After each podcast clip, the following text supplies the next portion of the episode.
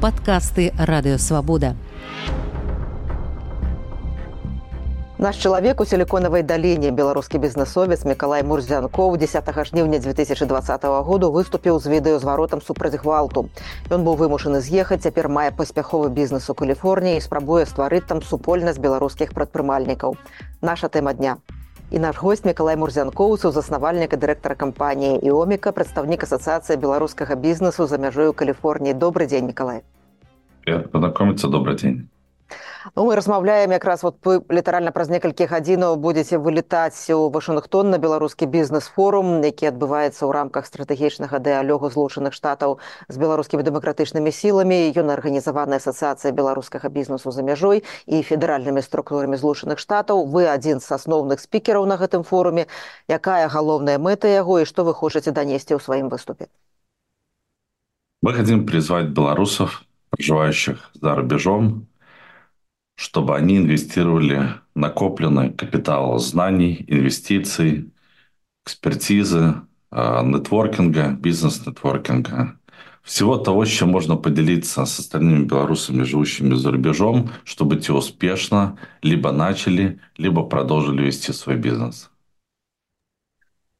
А як бы вы ацэнілі вось гэты досвед бізнес грошы пазіцыі беларусаў за мяжой у Амерыцы наколькі яны вялікія вот беларусаў якія ў раз розныя гады з'язджалі розных розных хваляў эміграцыі наколькі гэта вялікая каштоўнасць наколькі гэтага шмат Да, нельзя сказать, что белорусская диаспора в Соединенных Штатах, в частности, является массово успешной. Скорее, успех белорусов в Соединенных Штатах – это точечное понятие. Я имею в виду в отношении бизнеса потому что белорусы в большой степени э, реализовали себя как специалисты в других компаниях. А, но, тем не менее, есть же а, есть хорошие примеры, а, но, повторюсь, это примеры единичные. Мы можем дальше коснуться конкретных областей экономики, но сейчас в таком в целом ответ.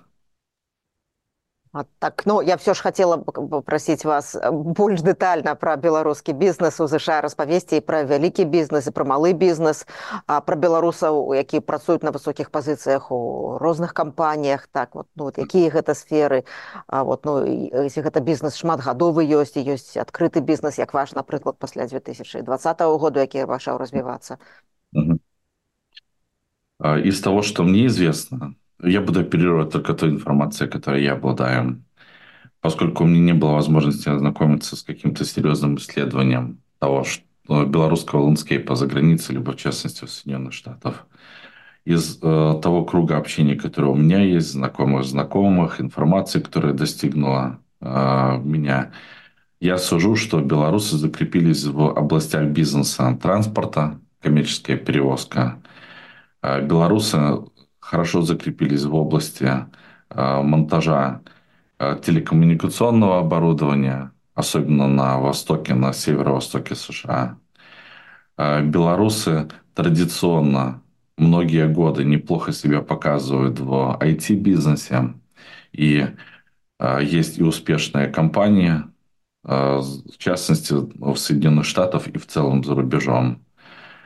Вы знаете, что была большая волна релокации, поэтому многие эти компании связывают со словом «белорусские компании», только их корни. А фактически э, то, кем они стали являться сегодня, они превращаются в западные компании. Э, также белорусы закрепились в э, различных видах сервиса. Про Соединенные Штаты, если буду говорить, это компании медицинского обслуживания, это различные формы общепита, это, конечно же, строительный бизнес. Строительный бизнес среди белорусов встречается достаточно часто. Ну вот, пожалуй, пожалуй, все. Но еще раз повторюсь, у меня позиция достаточно узколобая. Из-за того, что я тружусь в высокотехнологической сфере, я в основном такие компании наблюдаю вокруг себя і вы кажаце што вы хочаце заклікаць гэты бізнес ну нейкім чынам дапамагчы аб'яднацца ведаць адзін аднаго для з іншымі бізнесамі беларусаў та і дапамагаць ім як это рэальна можа выглядаць ну вот людзі хочуць пераехаць у Амерыку адкрыць там бізнес і вот дзякуючы вот этой всёй такой арганізацыйнай працы якое вы праводзіце будуць беларусы якія уже добра стаять на нагах якія будуць дапамагаць Типичная ситуация после объявления о том, что в Калифорнии открылось представительство, стали поступать обращения, звонки от белорусов, которые либо планируют приехать в Соединенные Штаты, либо уже находятся здесь. Одни из первых вопросов чем вы можете нам помочь? И далее человек начинает называть сферу своего бизнеса, который он уже ведет, либо который он планирует открыть. И с моей стороны хочется чем поделиться? Связями в той области, которая его интересует. А также поделиться информацией о юристах, которые проверены в тех областях, которые их интересуют. А, очень часто возникают у людей примитивные вопросы ведения бизнеса в США, ведения бухгалтерии в США, права в области каких-то вещей, начиная от примитивных э, в отношении открытия компании, где лучше всего открыть компанию. Это же тоже вопрос достаточно широкий. В Соединенных Штатах есть федеральные налоги, есть налоги на уровне штатов – а человеку хочется понять, какие плюсы и минусы открытия того или иного бизнеса. Некоторые штаты что-то более серьезно лицензируют, э, некоторые штаты э, более лояльно относятся к этому. Для того, чтобы накопить такие знания, ведя свой собственный бизнес, как это делаю я сейчас в Соединенных Штатах, а, накопить такие знания достаточно тяжелая процедура. Для этого нужно принести в жертву либо свой бизнес, либо семью, либо личное время. Поэтому хочется, чтобы белорусы с разных сфер жизни пришли и поделились этой информацией с нами, чтобы нам не пришлось а, накапливать это десятками лет, а чтобы а, благодаря, повторюсь, доброй воле и желанию делиться, мы все сбежались с разных сторон. И я постоянно слышу о белорусах, добивающихся успеха в различных областях чтобы мы все сбежались и сами захотели чем-то поделиться. Мы пришли и сказали, у нас есть такие-то связи, у нас есть такой доступ к такому-то капиталу, у нас есть понимание, как получить доступ к такому капиталу. Нам всем это будет очень важно и полезно. Наколькі я разумею, такого ніколі не было раней, так? Кожны працаваў сам по сабе, то вот ваша ініцыятыва цяпер такая ну, у пэўным сэнсе. Ну, яна цалкам лагічная, але яна новая атрымліваецца. В такой массе получается на маём веку нет не было я до вас такое пытанне оно датычнае мірнай рэвалюцыі з 2020 году ці можна сказаць что беларускі бізнес яе падтрымліваў ці яе не падтрымліваў калі падтрымліваў то якая частка людзей гэта рабіла і ці цяпер беларускі бізнес за мяжой падтрымлівае ну напрыклад там дэмакратычныя сілы былых палітвязняў людзей просто якія маюць патрэбу ў дапамозе пасля эміграцыі У меня э, позиция по этому поводу следующая. А, позиция бизнеса в отношении поддержки как во время выборов 2020 года, так и а, в последующее времена была неоднозначная. До сегодняшнего момента, начиная с 2020 года, а, часто встречаю страх, переживания за своих сотрудников, за своих близких, за своих знакомых, да и за собственную жизнь, если человек э, до сих пор сохраняет желание возвращаться в Беларусь, оказывать ту или иную помощь людям, которые ассоциируются с неблагополучными группами э, для, теку, для режима, для текущего режима. В чем-то конкретно проявляется. Люди, э, ведущие бизнес, уклоняются иногда отвечать на первое предложение о встрече. А, если они отвечают на первое сообщение, потом они в личных разговорах ссылаются на то, что у них есть родственники, либо остались сотрудники. А, пример а, когда их работники оказались в заключении, многих напугал. И неохотно идут на контакт. Я вынужден констатировать, что до сих пор многие белорусы, ведущие свой бизнес, не хотят связываться с экстремистскими организациями наподобие Ассоциации белорусского бизнеса за рубежом. Не хотят. Но я знаю в противоположность и другие хорошие примеры, когда пусть и не прямым способом, но опосредованно белорусские бизнесмены помогали и продолжают помогать сегодня. Но вынужден признать, это не носит массовый характер. Наприклад, от, ну, об'єднаний пераходны кабінет, наколькі я ведаю, там практычна бясплатна все людзі працуюць, а няма ў іх заробкаў. Ці магчыма такое, каб беларускіх палітыкаў фінансаваў беларускі бізнес, ну і нейкую справаздачнасць ну, не, не дзеля таго, каб яны лабіравалі яго інтарэсы, але ну, каб, тым не менш нейкую справаздачнасць мець. Возможно, но при допущении двух условий. Первое условие – это отсутствие страха. А второе условие – интересы бизнесменов должны совпадать с интересами политиков. А вы, как бизнесовец, как бы вы сказали, совпадают теперь эти интересы? А по второму пункту не всегда. Чему?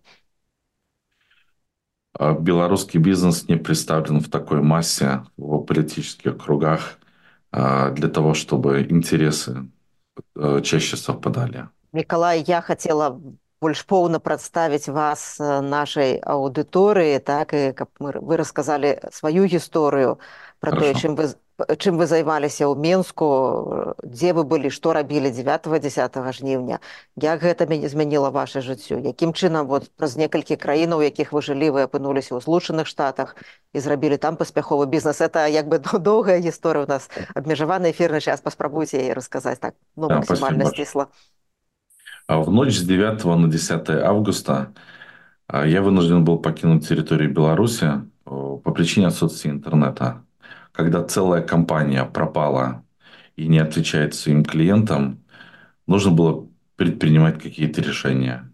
Под договорами моей компании стоит моя подпись. Поэтому мне нужно было э, сесть в автомобиль, уехать в ближайшую за границу, найти интернет и объяснить, что происходит в моей стране.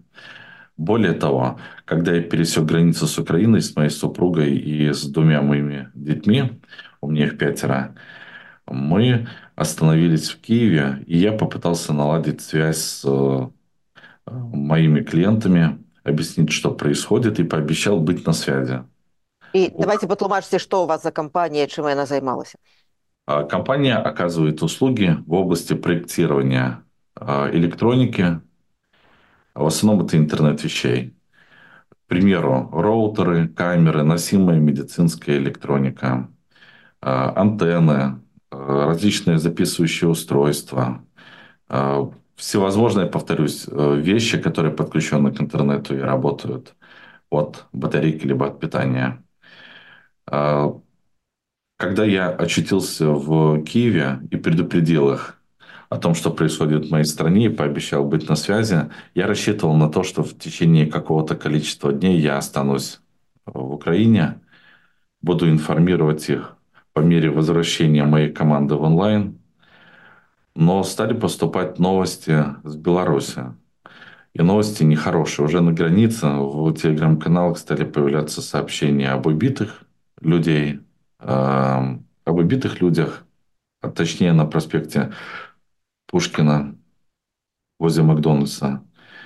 А, также появилась информация о том, что один из моих сотрудников был задержан.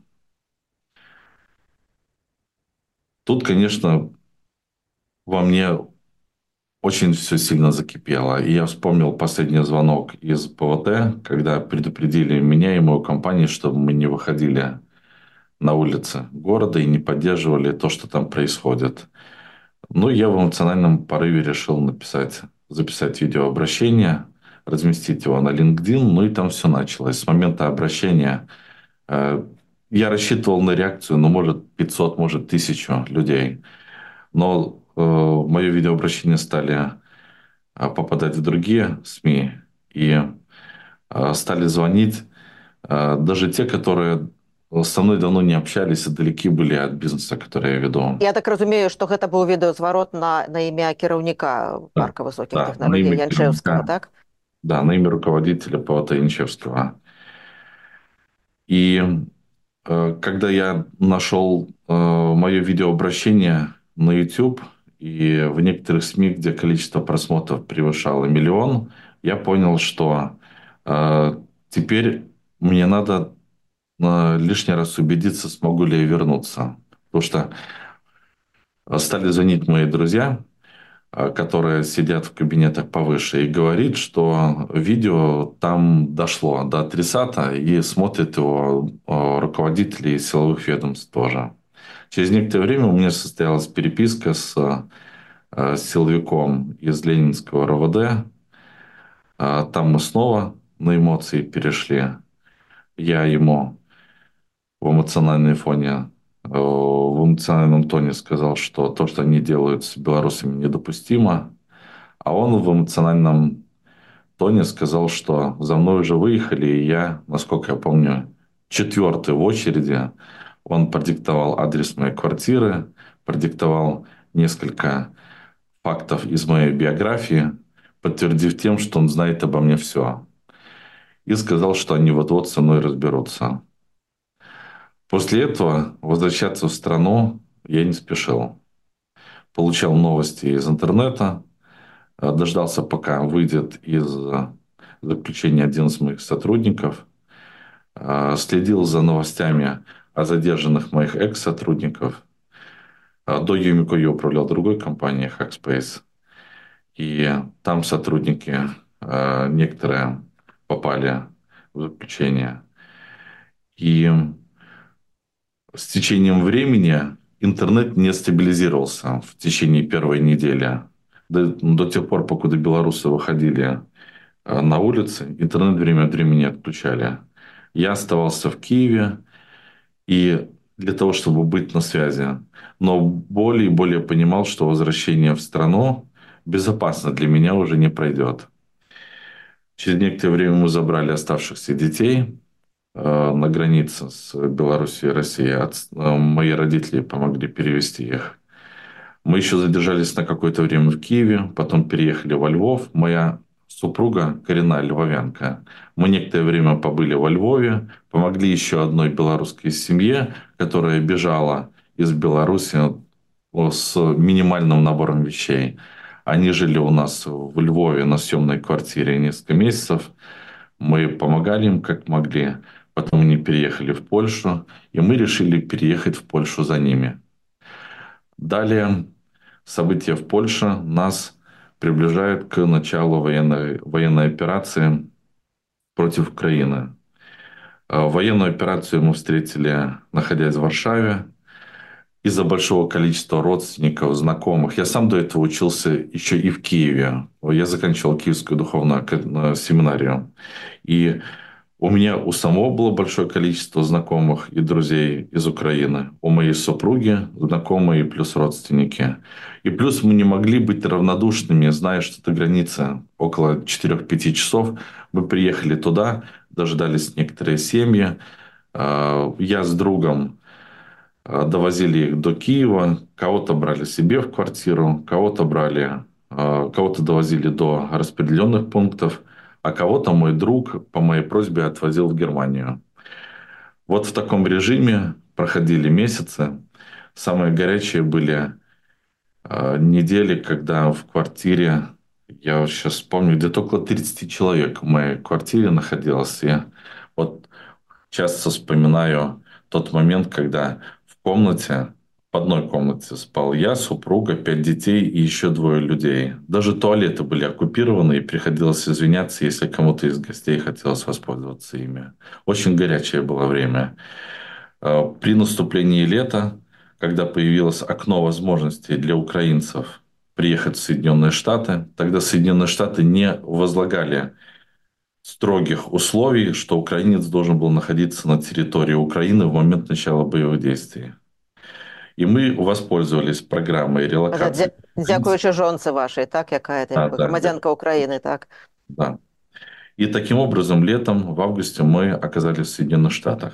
А жизнь в Соединенных Штатах, ввиду того, что у меня с 2012 года была зарегистрирована компания, для меня была более понятной и более знакомой, чем в Польше. Тем более, что по материнской линии у меня около 200 родственников живет в Соединенных Штатах. был абведзены час з вашым бізнесам з беларусі вы яго змаглі вывесці спачатку ва ўкраіну потым у польшу потым ну злучаны штаты там уже было але тым не менш гэта супрацоўнікі ну гэта ну это цэлая сістэма я так разумею расскажите да ввиду резонанса моего обращения в 2019 году мне нужно было очень быстро выйти из состава учредителей чтобы не подставить оставшуюся команду белорусскую по факту моего выхода из учредительства я продолжил руководить только американским юрлицом. А нашу команду мы перевозили человек за человеком в Польшу. Мы, можно сказать, успешно осуществили эту операцию за несколько лет. У кого-то быстро получилось выехать, у кого-то нет. На текущий момент компания большинство своих сотрудников размещает в Польше, в Варшаве, но также у нас есть сотрудники в других странах. В Латинской Америке, Аргентина, Бразилия, а, Венесуэла. Вы казали про то, что закончили духовную семинарию. Як спалучаецца наколькі наколькі ну, вот гэтая адукацыя я так разумею пакліканне та і дапамагае вам у бізнесе Ну, во-первых, все, что касается э, теологического, я его, э, я его для себя крестил философским образованием, потому что прежде всего это о образе жизни, о форме жизни, о сути жизни, о необходимости жизни. Э, семинарий, конечно, оказалось серьезное влияние на мой взгляд, на бизнес в последующем, на форму управления бизнесом, на форму руководства, на форму лидерства, что мне и дает сегодня осмысленное право критиковать то, каким образом руководится Беларусь, то, каким образом госаппарат относится к людям, поскольку Библия и учеба в семинаре дала мне моральные ориентиры.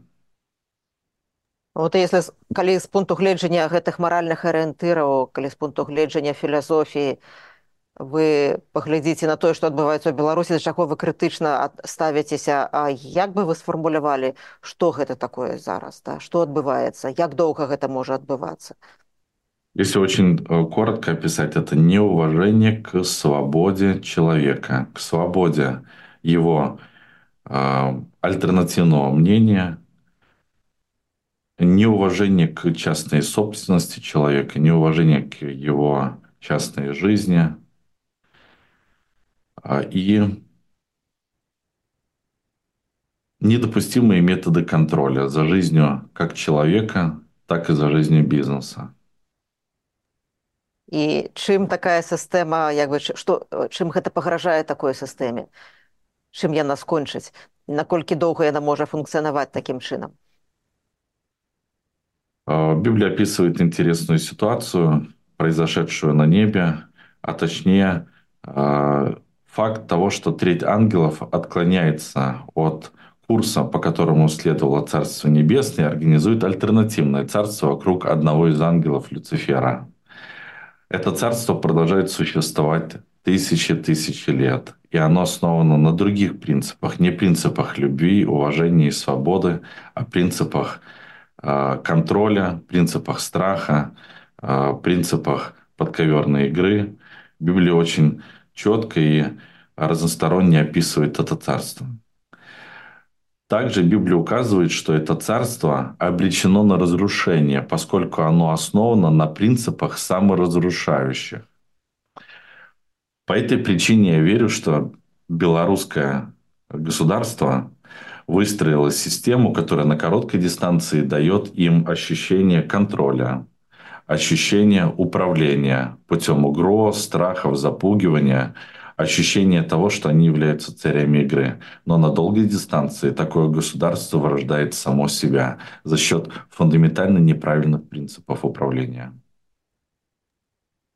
Дякую вялікі у мяне пытанне яшчэ звязанае з беларускім бізнесам у, у Амерыкі Як вы мяркуеце, ці будзе калі-небудзь сітуацыя, калі з'явіцца рэальнае беларускае бізнес-лобі ў ЗША, якое будзе ўплываць на прыняцце пэўных рашэнняў палітычных тым ліку. Вы вельмі часта гавораць ну, Беларусь не Видим, что заўважаюць и мы так, для так. этого предпринимаем все усилия. Мы решили, что нельзя быть скромными и сидеть тихо, выполнять свою работу. Нам нужно быть публичными, нам нужно быть громкими, нам нужно заявлять о своем нахождении за рубежом, нам нужно заявлять о своих правах. Мы же приносим какую-то пользу и народу, и экономике. Мы хотим заявить и о том, что у нас есть в обратную сторону какие-то ожидания и от американского народа, и от европейского народа. Поэтому ассоциация старается громко заявлять о том, что нам необходимо для того, чтобы быть успешным и интегрироваться в это общество, чтобы приносить ему больше пользы. і ну напэўна вот вы, вы про это уже пачалі гаварыць напэўна это пытанне вам часто задаюць людзі якія пераязджаюць у ЗША і хочуць адкрыць бізнес галоўны галоўны прынцып галоўнае адрозненне як вядуць бізнес у злучаных штатах і у беларусі что аднолькавая а ў чым розніца вялікая я часто привожу такой пример когда компания только начиналась и у нас был один-два заказчика а мы не дождались платежа вовремя ввиду какой-то конфликтной ситуации. А, когда деньги не пришли на расчетный счет вовремя, мы опоздали с оплатой а, ФЗДН. Через, буквально через пару дней, буквально день либо два, до меня дозвонился сотрудник ФСЗН и сказал мне, что против меня будет возбуждено административное дело. Ну, сказать, что я удивился, это ничего не сказать. У тебя и так... Давайте бизнес... эту аббревиатуру расшифруем. Фонд социальной защиты населения Министерства труда Республики Беларусь. Вот это один из обязательных платежей. И он мне пригрозил э, возбуждением административного дела. В Соединенных Штатах я не могу представить тебе такой ситуации чтобы государство против меня возбудило административное дело, когда в моем бизнесе что-то идет не так, и у меня и так стресса много. Я допускаю ситуацию, при которой мне еще какую-то адресную помощь моему бизнесу предложат, если увидят, что я не справляюсь с оплатой каких-то э, пошлин либо взносов. Но отнюдь не возбуждение административного дела. Если в целом говорить о ощущение ведения бизнеса в Соединенных Штатах и в Беларуси. В Беларуси ты работаешь с постоянным страхом, что если что-то пойдет не так, тебе нужен кто-то, кто тебя отмажет. В Соединенных Штатах ты ведешь бизнес без страха падения, без страха неудачи, без страха банкротства. Ты знаешь, что если ты окажешься банкротом, либо упадешь, ты поднимешься, Пройдет некоторое время, и ты запустишь новый бизнес. И никто на тебе черную метку не поставит. Никакие органы не будут преследовать тебя, чтобы ты потом в тюрьме пытался каким-то образом выплатить что-то должное государству. Прежде всего, это отличие, это фактор страха. Отсутствует фактор страха. Далее, э, говоря конкретно про Соединенные Штаты, Э, значительно меньшее количество бумажной волокиты, значительно меньшее количество отчетов, перед которыми мы выступаем э, в отношении государственных органов. На, в моей практике ведения бизнеса мы практически не замечаем органов, контролирующих ведение бизнеса. Мы практически их не замечаем.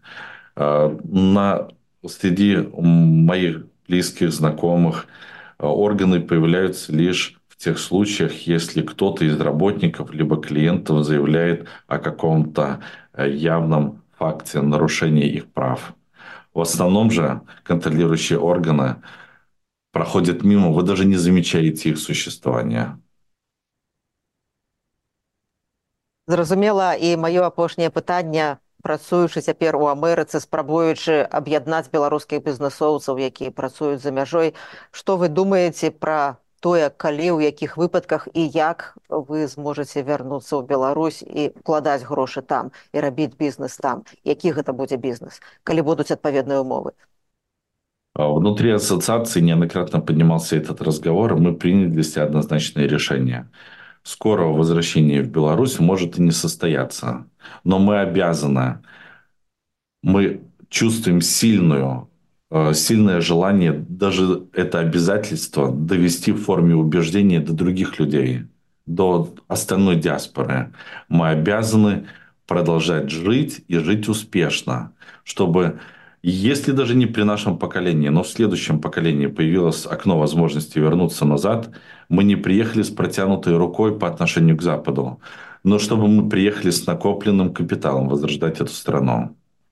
Дякую вялікі, дякую вялікі, што вось у такі зараз заняты час. Вы знайшлі час для свабоды прэміум гэта быў беларускі бізнесовец мікалай мурзянкоў сузаснавальнік і дырэктар кампаніі і оміка прадстаўнік асацыяцыі беларускага бізнесу за мяжой у каліфорніі які бярэ ўдзел у беларускім бізнес-форуме ў вашынгтоне.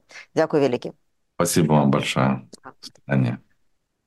я Ганна соусь развітваюся з вами заставайцеся са свабодай у бяспецы вы слухали падкаст радыёвабода Усе падкасты свабоды ў інтэрнэце на адрасе свабода кропка орг. Штодня у любы час у любым месцы, калі зручна вам. Свабода кропка орг.